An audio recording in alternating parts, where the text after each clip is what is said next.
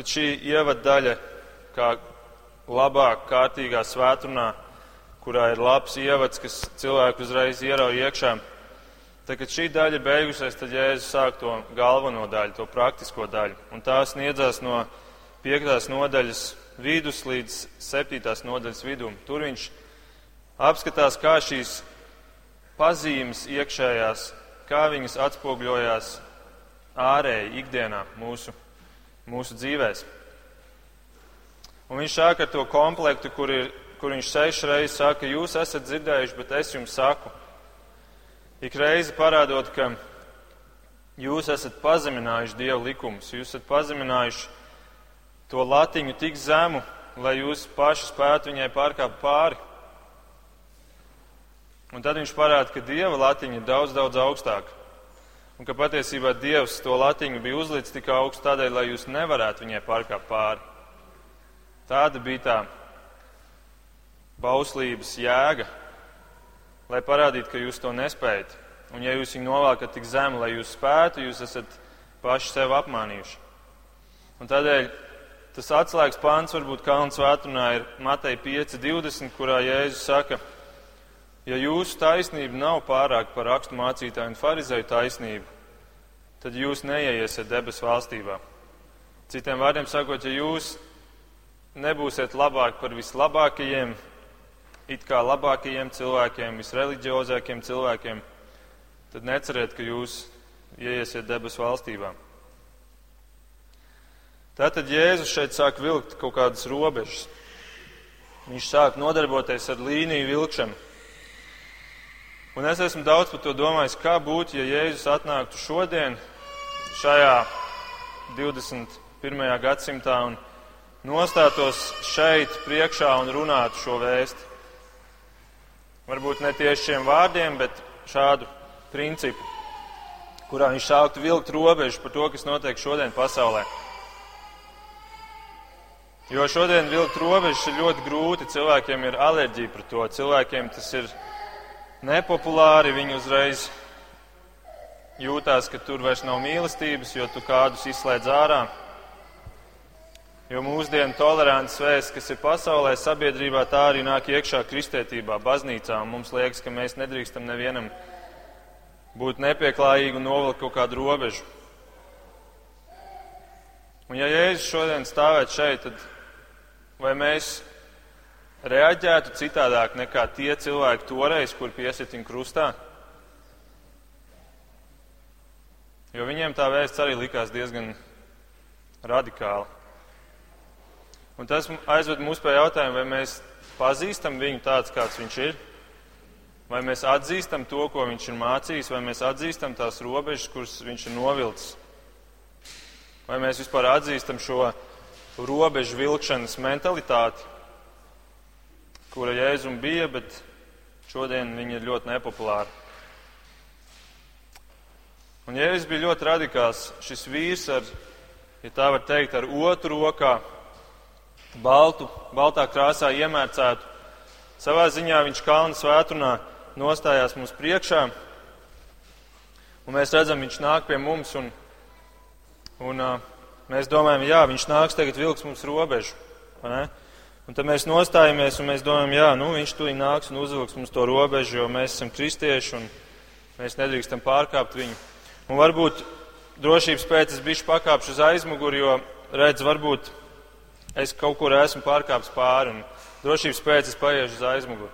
Un tad Jēzus nāk un viņš pietuvājās mums, bet tad pārsteidzošā kārtā viņš aiziet mums garām. Viņš aiziet mums garām, viņš uzvelk to līniju tur, pāris metrus aiz mums. Un tad viņš pasaka, tā ir tā līnija par slepkavību. Un tu, draugs, es pārkāpu šo līniju. Un mēs sakam, kā es esmu pārkāpis, es neesmu nevienu noslepkavojis. Viņš saka, jā, bet dusmas. Dusmas jau ir slepkavības sākums. Un tad viņš ņem un velk nākamo līniju, un viņš saka, tu esi laulības pārkāpējs. Un mēs sakam, kā? Es neesmu, es dzīvoju ar savu sievu, es neesmu nereizi pārkāpis laulību. Jā, bet iekāri tavās domās, tavā sirdī jau tas viss sākās. Un tad viņš uzvelk līniju mums un saka, ka šī līnija ir par šķiršanu, laulības šķiršanu. Un mēs sakam, bet kā? Mēs esam taču iesnieguši visu oficiāli, izšķīrušies oficiāli un tā tālāk. Jā, bet tu esi apprecējis cilvēku, piemēram, kurš ir, kurš ir šķīrējis pēc tādiem noteikumiem, kādus Jēzus nav atļāvis.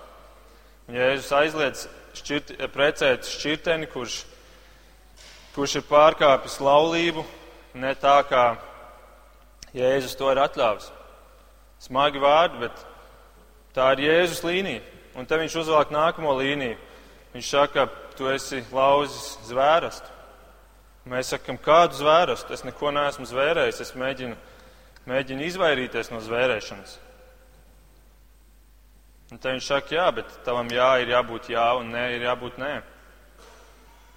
Un tur mēs visi esam smagu, smagi pārkāpuši. Un tad viņš saka, atriebība.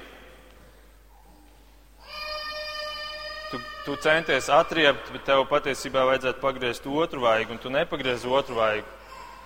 Un tad viņš ņem katru no šīm lietām mīlestību pret ienaidnieku, liekulīgu žēlsirdības dāvanu došanu vai baznīcai desmitās tiesas iedošanais pienākums sajūts, liekulīgu lūgšanu cilvēku priekšā vai dieva priekšā tādēļ, ka tikai man dievam ir redz vakarā jāpielūdz, vai arī visi lūdz tēvu reizi, tāpēc mums tagad arī ir jālūdz līdzi. Liekulīga gavēšana, tāpēc, ka citi gavē un tāpēc, ka ir gavēņa laiks, man ir jāgavē.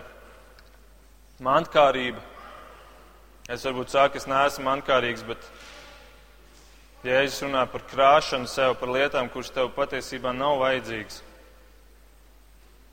Tiesāšana pēc saviem standartiem, nevis pēc Dieva vārdu standartiem, un tā tālāk, un tā tālāk, un tad tu stāvi šī vietā un tu skaties pēc Jēzus saraksta beigām, neviena līnija nav šeit uzvilkta. Tu esi visām līnijām pārkāpis pāri, viss tev ir aiz muguras. Es visu esmu pārkāpis. Un tā atbilde ir jādraugs. Un tu vēl domāji, ka tu esi diezgan labs. Tu domāji, ka tu esi bagāts savos darbos. Ka tu esi bagāts savās robežu līnijās. Nu, lūk, un Jēzus šo visu dod mums, visu šīs līnijas vēlāk, lai mēs varētu atzīt, ka jā, es esmu garā nabaks, es, es esmu nabaks, kuram nav nekā. Man nav ar neko ko lepoties. Man nav nevienas līnijas, man nav neviena argumenta Dievu priekšā. Tiesas dienai. Ja es esmu dzīvojis pēc saviem standartiem. Man liekas, ka šī teritorija ir tā teritorija, kurā viss ir kārtībā, bet ir atnācis Jēzus, šis vīrs ar otru rokā, un viņš ir parādījis, ka Dievs redz šīs lietas citādāk. Pilnīgi citi standarti. Un tad mēs saprotam, ko Jēzus bija domājis, ka viņš saka, topiet pilnīgi, kā jūsu debes tēvs ir pilnīgs. Nereāli, pilnīgi nereāli. Un tā nu Jēzus šeit atklāja mūsu problēmu, un Jēzus to dara apzināti, lai mēs saprastu, kur mēs patiesībā stāvam. Un tomēr viņš mums neatstāja vienus ar šo problēmu, jo viņš dod mums risinājumu. Jo tagad viņš ir paveicis šo vidējo daļu, tad sākās noslēguma daļa. Un tur viņš dod risinājumu. Viņš saka, ieiet pa šauriem vārtiem. Redziet, es esmu atnācis šajā pasaulē, lai būtu, vārti, lai būtu šaurie vārti, jo, ja es nebūtu atnācis, jums būtu tikai viena opcija, jums būtu tikai platie vārti. Jēzus atnāca, lai nostātos tur, lai būtu šie šaurie vārti, un izējot pa šiem šauriem vārtiem, Kristus apmaina savu pilnīgo dzīvi ar tavu nepilnīgo dzīvi un Dieva acīs tu kļūsti pilnīgs. Un tā ir tā žēlastība, draugi. Tā ir tā žēlastība, nevis žēlastība, ka es vienkārši pasaku, jā, Jēzu, es gribu ticēt tev.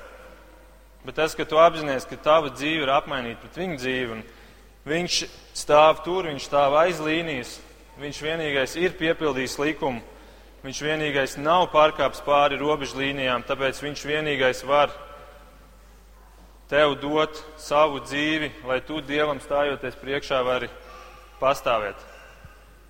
Lai Dievs tajā dienā teiktu tev, ka, jā, Markus, man ir labs prāts uz tevi. tādēļ, ka man ir labs prāts uz manu dēlu, un tu nes mana dēla dzīvību sevī. Redziet, cik augsta vērtība ir šai kalnu svētrunas vēstī. Cik liela vērtība ir tam. Un, uh, un ir tā, ka visu vērtīgo dieva ienaidnieks Sātans mēģina viltot. Un tāpēc šajā noslēguma daļā Jēzus uzreiz arī brīdina, ka ir šaurie vārti, bet būs kādi, kas centīsies tevi atturēt no tiem. Tie ir tie viltus pravieši, un tādēļ tev būs grūti atrast, tev būs grūti atšķirt un saprast. Un tādēļ būs maz to, kuri ieies pa šauriem vārtiem, un būs daudz to, kuri tiks apmānīti. Būs maz to, kuri, kuriem līnija būs novilkta viņiem priekšā, nevis aiz muguras. Būs daudz to, kur būs apmānīti domādām, ka ka robeža līnija viņiem ir tepat kāju priekšā un ka viss ir labi, viņi tic Dievam, viņi seko Dievam, viņi pat dara kādus darbus Jēzus vārdā, ka viss ir tik labi, ka var iet un dusēt mierā līdz tai dienai, kad Jēzus atnāks, jo tikai tad jākal būs jāpievēršās šim jautājumam nopietnāk. Tagad tās jaunavas no Mateja 25, kuras dusēja justamies, ka viss ir kārtībā, neapzinoties, ka līnija man ir tur aiz muguras un ka nav viss labi. Un cik labi, ka šodien nav tiesas diena, cik labi, ka šodien ir kalna svētrunas diena. Jo daudzi būs tādi, kuri šo kalna svētrunas vēsts nozīmi sapratīs tikai tiesas dienā. Un tāpēc jūs esat svētīgi, ja jūs saprotat šo vēsti šodien, pirms tiesas dienas atnākšanas. Tajā dienā daudzi to sapratīs, un tad būs par vēlu. Viņi teiks, kungs, kungs, un Jēzus viņiem teiks, es jūs nepazīstu. Nos no manis jūs ļauni darītāji. Un viņš varbūt teiks, jūsu darbi tikai pēc jūsu robežu līnijām bija labi, bet ne pēc manām un ne pēc mana tēva.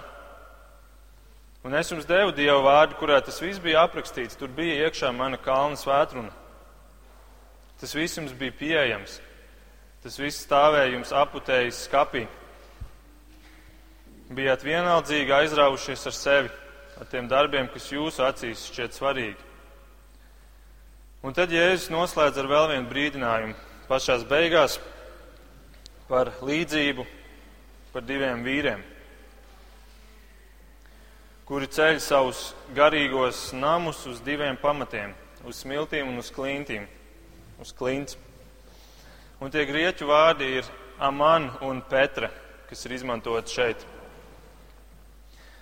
Un uh, Jordānijā ir divas pilsētas, kurām ir tieši šādi vārdi arī iedoti. Amāna ir galvaspilsēta Jordānijā, un viņa ir celta tūkstneša vidū, viņa ir smilšaina pilsēta, kas ir tūkstneša vidū. Savukārt Petra ir pilsēta, kura ir izcirsta klintīs. Viņa bija līdz 19. gadsimtam nebija atklāta un Bībelē par viņu bija rakstīts, un tāpēc daudzi smējās, ka redz Bībeli stāsta pekstiņus, un tad viņi 1820. gados atklāja šo pilsētu. Un, um, un tā mēs redzam smiltis un klints. Un ārēji viņi izskatās līdzīgi, bet, līdzīgi, bet viņiem ir viena būtiska atšķirība šiem diviem namiem. Un tie ir tie pamati.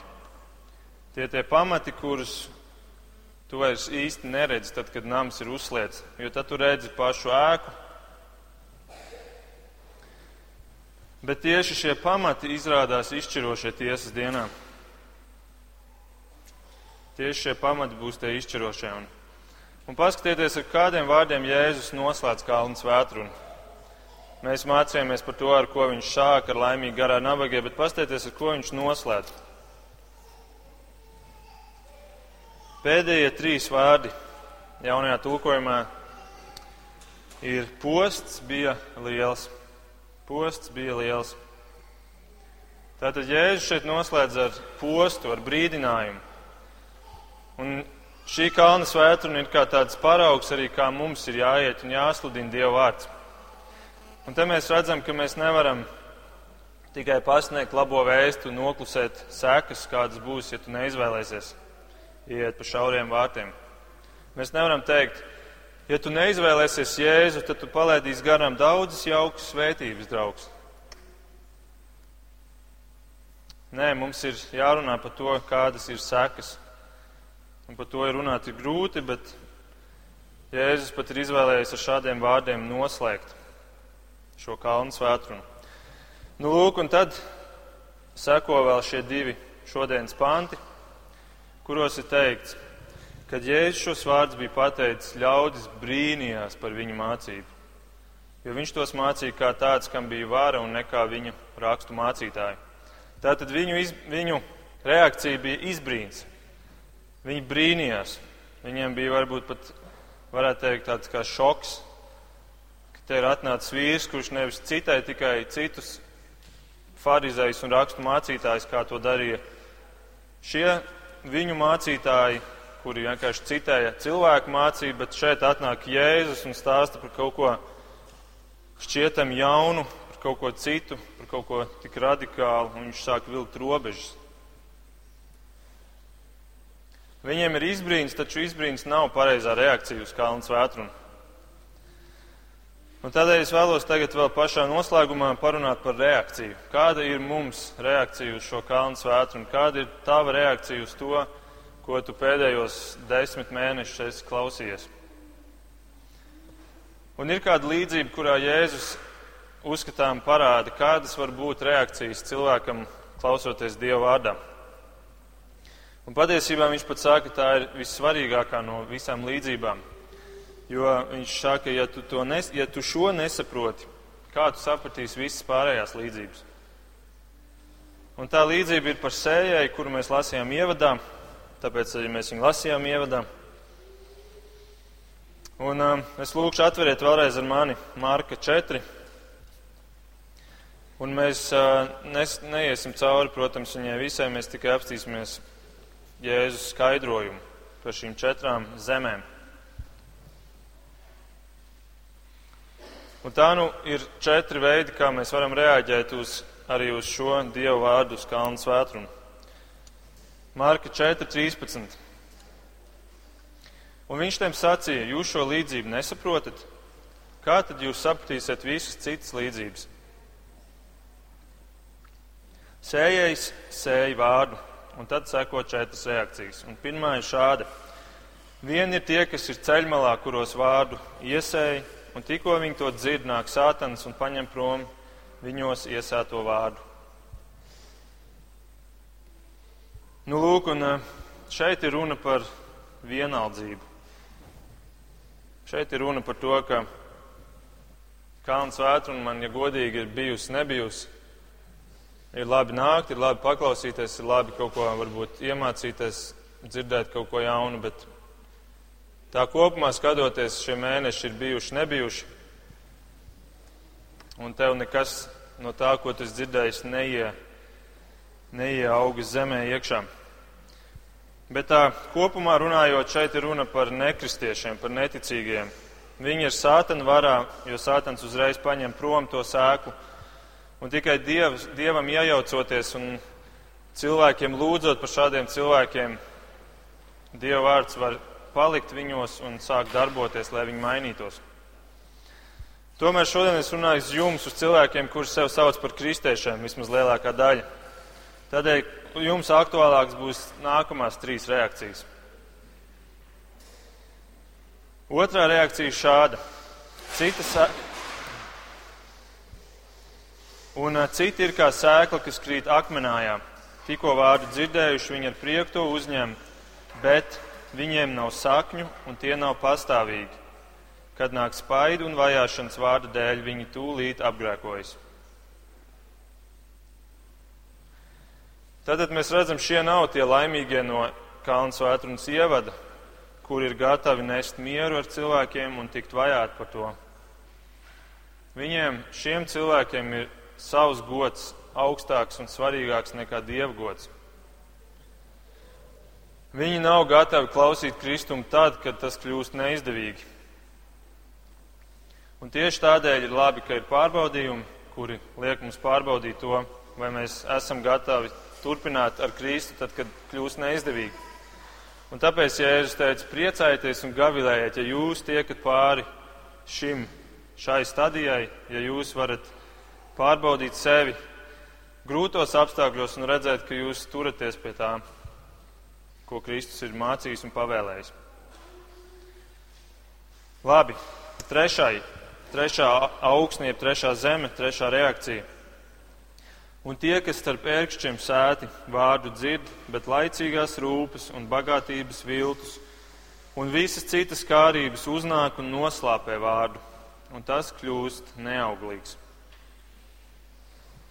Tātad laicīgās rūpes, tavs darbs, tava ģimene, tavi bērni, tavi, tava nauda, tavi, tavas ikdienas lietas, tavu galu savilkšana citiem varbūt pat bagātības viltus. Tas viss nāk un noslēpē šo vārdu, ko Kristus tev dod. Un Kristus ir mums devis visas šīs lietas, bet ja mēs šīs lietas sākam likt augstāk par viņu, tad um, tam vārdam nebūs nekādu augļu mūsu dzīvēs. Un tā nu šīs lietas kļūst par tādiem kā elkiem mūsu dzīvēs par ērkšķiem, kuri nomāc to, ko Dievs ir plānojis mūsu dzīvēs.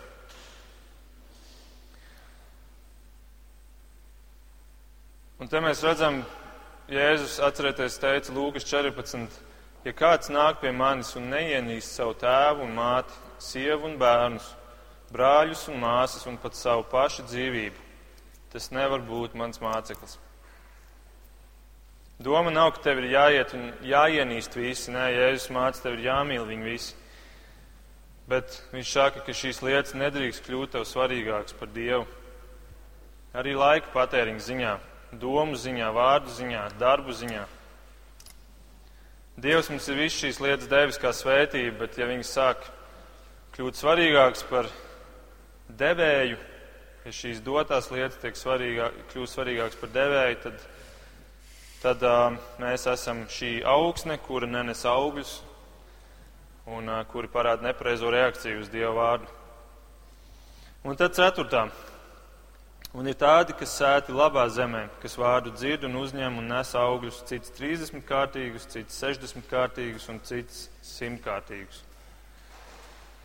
Šī ir vienīgā zeme, kas ir labi sagatavota, kas ir uzārta, kurā ir ieguldīts laiks, kas ir apstrādāta kas ir šķīstīta, šķīstīta sirds, attīrīta no akmeņiem un no ērkšķu krūmēm, padarīta mīksta. Tā ir vieta, kurā Dieva vārds spēja iegulties, tā kā psalmā 119.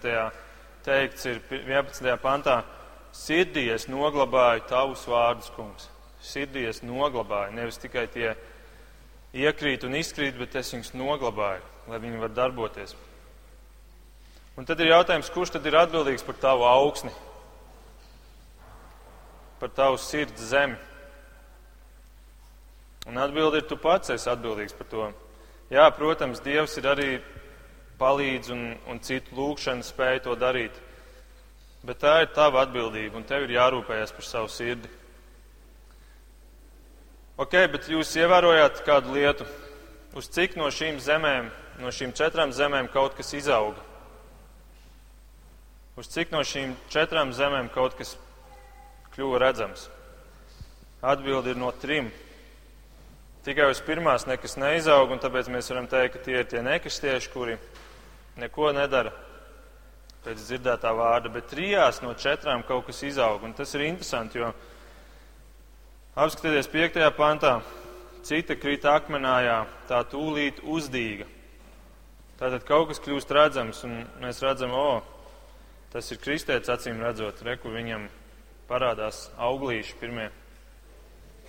Un tad pasēties septītajā pantā, tur ir teikts, cita sēkla krita starp ērkšķiem un ērkšķi izaug un to nomāca. Un paralēlajā rakstētā Lūkas ir teikts, ērkšķi reizē augdami to nomāca. Jā, tā tad arī šeit kļūst redzams kaut kas.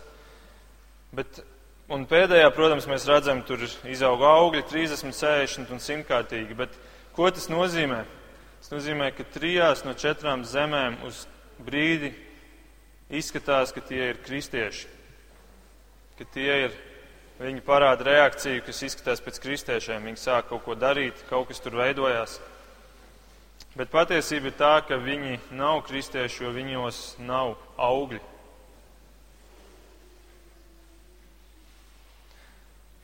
Un mēs jau par tiem augļiem runājām kontekstā par viltus praviešiem, bet tas attiecās tikpat arī uz kristiešiem. No koka augļiem jums būs pazīt tos, kuri ir vai nav labie koki.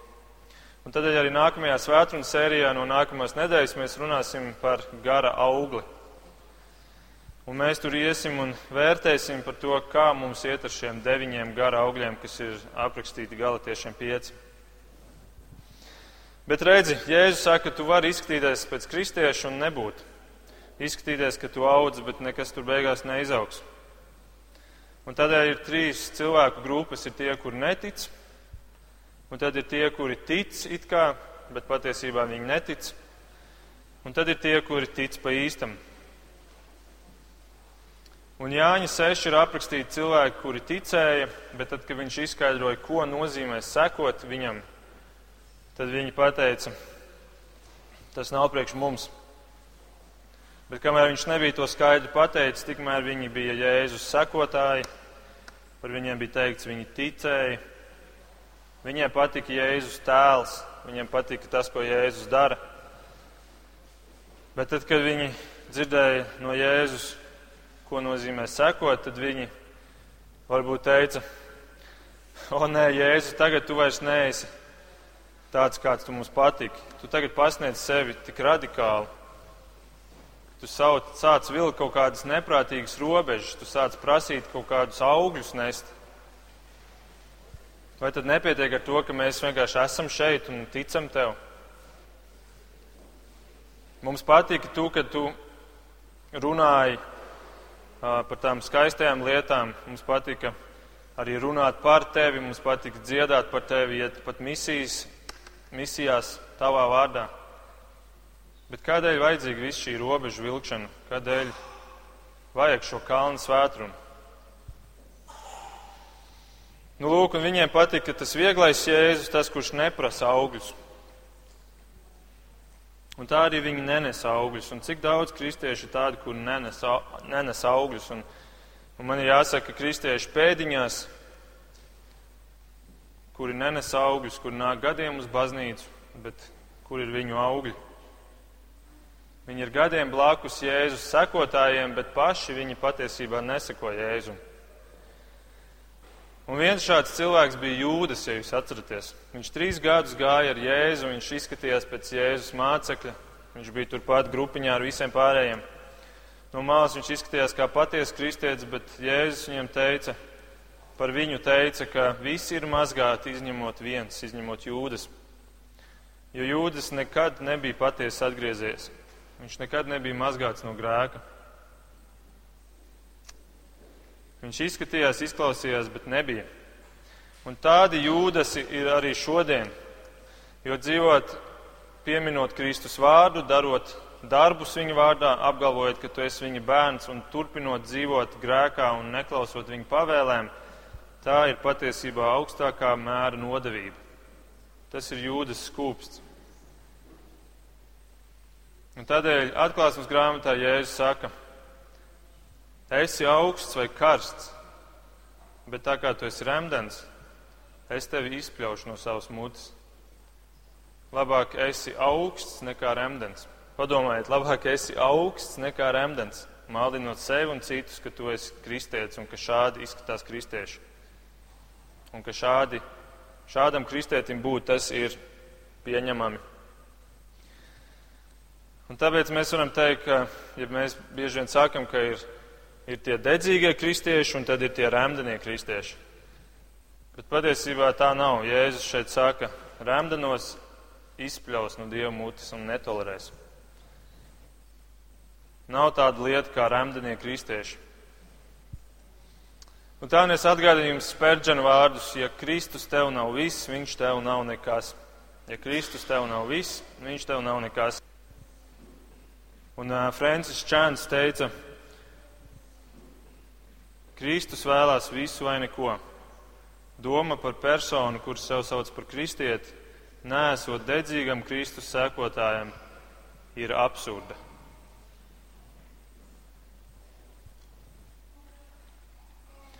Un tam, vai tu sauc sev par kristieti, nav nekādas nozīmes, ja tu neseko Kristum, ja tu neseko Kristum. Un uh, mēs nerunājam par pilnību. Ja? Kristus ir tā pilnība, kurš, kura dzīves mums ir apmainītas. Tāpēc mēs neiesim, mums nav jābūt pilnīgiem, bet mums ir jābūt redzamam virzienam mūsu dzīvēm. Mums ir jābūt redzamam, ka kaut kas aug, kaut kas sāk veidoties. Jo piesaukt viņu un neklausīt viņam, tā ir Dieva vārda nelietīga valkāšana. Un Džons Makatūrs ir teicis, klausieties, saukt Kristu par savu kungu un tad nedzīvot, sekojot viņam, ir daudz ļaunāk nekā piesaukt viņa vārdu vienu reizi nolamājoties. Saukt Kristu par kungu un dzīvot nesekojot viņam, tas ir daudz ļaunāk nekā vienu reizi paņemot un pieminot viņu vārdu nelietīgi. Jo tu patiesībā dien dienā to dari. Ja tu sauc viņu par kungu, bet nedzīvo tā, kā viņš ir pavēlējis. Un kā jau runājām, visa atslēga ir vārdā paklausība, paklausība, jeb arī sekošana. Un galu galā visa šī kalna svētra, un ja mēs tā varam vienopus pateikt, par ko viņi ir, Šī kalna svētdiena ir par Kristus iepazīšanu. Jo no tā, vai tu viņu pazīsti patiesi, pareizi, no tā izšķirsies tavu mūžību. Un daudziem tas spriedums būs tāds, ka es jūs nepazīstu, es jūs nepazīstu no manis, bet būs arī tādi, kurus viņš pazīst. Viņš saka, manas avis klausās manā balsī, es tās pazīstu, un viņas dara ko? Viņas man seko. Pazīt un sekot. Viņas klausās un seko, viņas paklausa. Un uh, Kalns vētrunā jūs arī esat klausījušies šajā gana balsī, Kristus balsī. Un es ceru, ka jūs esat viņu labāk iepazinuši. Iepazinuši pilnīgāk, lai jums nebūtu vilšanās tajā dienā, kad jūs satiksiet Kristu vaigu vaigā, un viņš izrādās būs citādāks nekā jūs visu laiku bijāt domājuši. Un tā ļaujiet man noslēgt ar citātu no Mārtiņa Lloyd Jones. Pēc tam, kad tu esi apmeklējis visas savas sapulces, kad tu esi sakārtojis savu apoloģētiku un atrādījis savas brīnišķīgās zināšanas par teoloģiju un savu izpratni par nākamajiem laikiem, un kad tu esi izlasījis visus Bībeles tulkojumus un pierādījis savu izpratni par tās mehāniku, es joprojām tev jautāju, kā ir ar tavām attiecībām ar kungu Jēzu Kristu? Tu tagad zini stipri vairāk nekā gadu atpakaļ, bet vai tu pazīsti viņu labāk? Tu atspēko daudzas nepareizas lietas, bet vai tu mīli viņu vairāk? Tavas zināšanas par Bībeli un tās tulkojumiem ir kļuvušas tīri apskaužamas, un tu varbūt esi kļuvis par ekspertu apoloģētikā, bet vai tu paklausi Kristus likumiem vairāk? Vai gara augļi kļūst ar vien vairāk un vairāk redzami tavā dzīvē? Šie ir tie īstie jautājumi. Jo ne katrs, kas teiks man kungs, kungs, un darīs daudz brīnišķīgus darbus, ieies debesu valstībā. Bet tas, kurš dara mana debesu tēva gribu. Citādi beigas. Tātad pazīt viņu tādu, kāds viņš tiešām ir, mīlēt viņu tādu, kāds viņš tiešām ir, un sekot viņam tādam, kāds viņš tiešām ir. Tā ir visa kalna svētruna. Un ar šo viss beidzās. Ar šo beidzās kalna svētruna. Mēs varam aizvērt grāmatu ciet. Un tomēr nē. Patiesībā ar šo viss nebeidzās, jo ar šo viss tikai sākās, draugi. Jo tagad jūs iesiet un jūs parādīsiet kalna svētrunas reakciju. Un ziniet, kāda bija Jēzus paša pēdējā vārda, pirms viņš aizgāja? Viņš teica, Ejiet darīt par mācekļiem, un tad vēlāk viņš turpināja mācīdam turēt visu, ko es jums esmu pavēlējis. Un starp visu to, ko viņš ir pavēlējis, ir arī šī kalna svētruna. Tādēļ ejiet un izdzīvojiet šo kalnu svētrunu un ejiet un māciet to arī citiem. Jo mācīt citiem ir bieži vien labākais veids, kā tu pats to var mācīties. Ejiet un izdzīvojiet kalnu svētrunu un māciet to arī citiem, un lai Dievs dod ka tāda būtu jūsu reakcija. Lai Dievs jūs sveitī, lūgsim.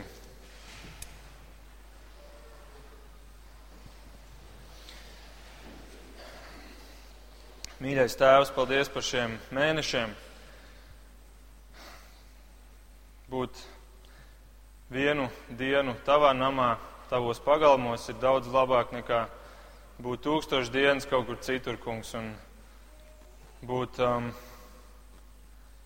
jā, būt kaut vai vienu dienu vai kādu laiku šajā tavā vārdā ir daudz labāk nekā būt uh, pasaulē un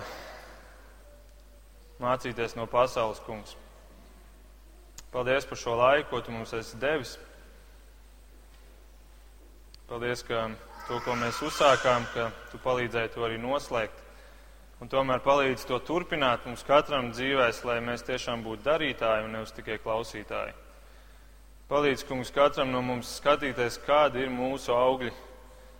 Vai mēs esam tie, kuriem ir tie 30, 60, simtkārtīgie, vai arī mēs esam tie, kur tos talantus, kurus tu esi iedevis, aprokam zemē un tikai gaidām uz to dienu, kad tu atnāksi, lai to pašu arī atrādītu tev. Paldies Tev par žēlastību, paldies par to, ka Tu nodzīvoji šo pilnīgo dzīvi tādēļ, lai varētu to iedot mums, lai varētu apmainīties ar to, ar, ar mūsu dzīvēm, kungs. Paldies, ka Tu nāc šajā pasaulē, lai būtu šie šaurie vārti, lai būtu kaut šauri un grūti atrodami, bet ka viņi būtu šeit, kungs. Un palīdz, lai mēs varam būt tie, kuri var būt droši, ka mēs esam izgājuši pa tiem un ka mēs ejam pa to ceļu, kas vēd pie tevis, pa to šauro ceļu, pa to, kas ir grūts ceļš, bet kas vēd pie tevis. Lai tev ir slava un pateicība par visu, kungs. Amen.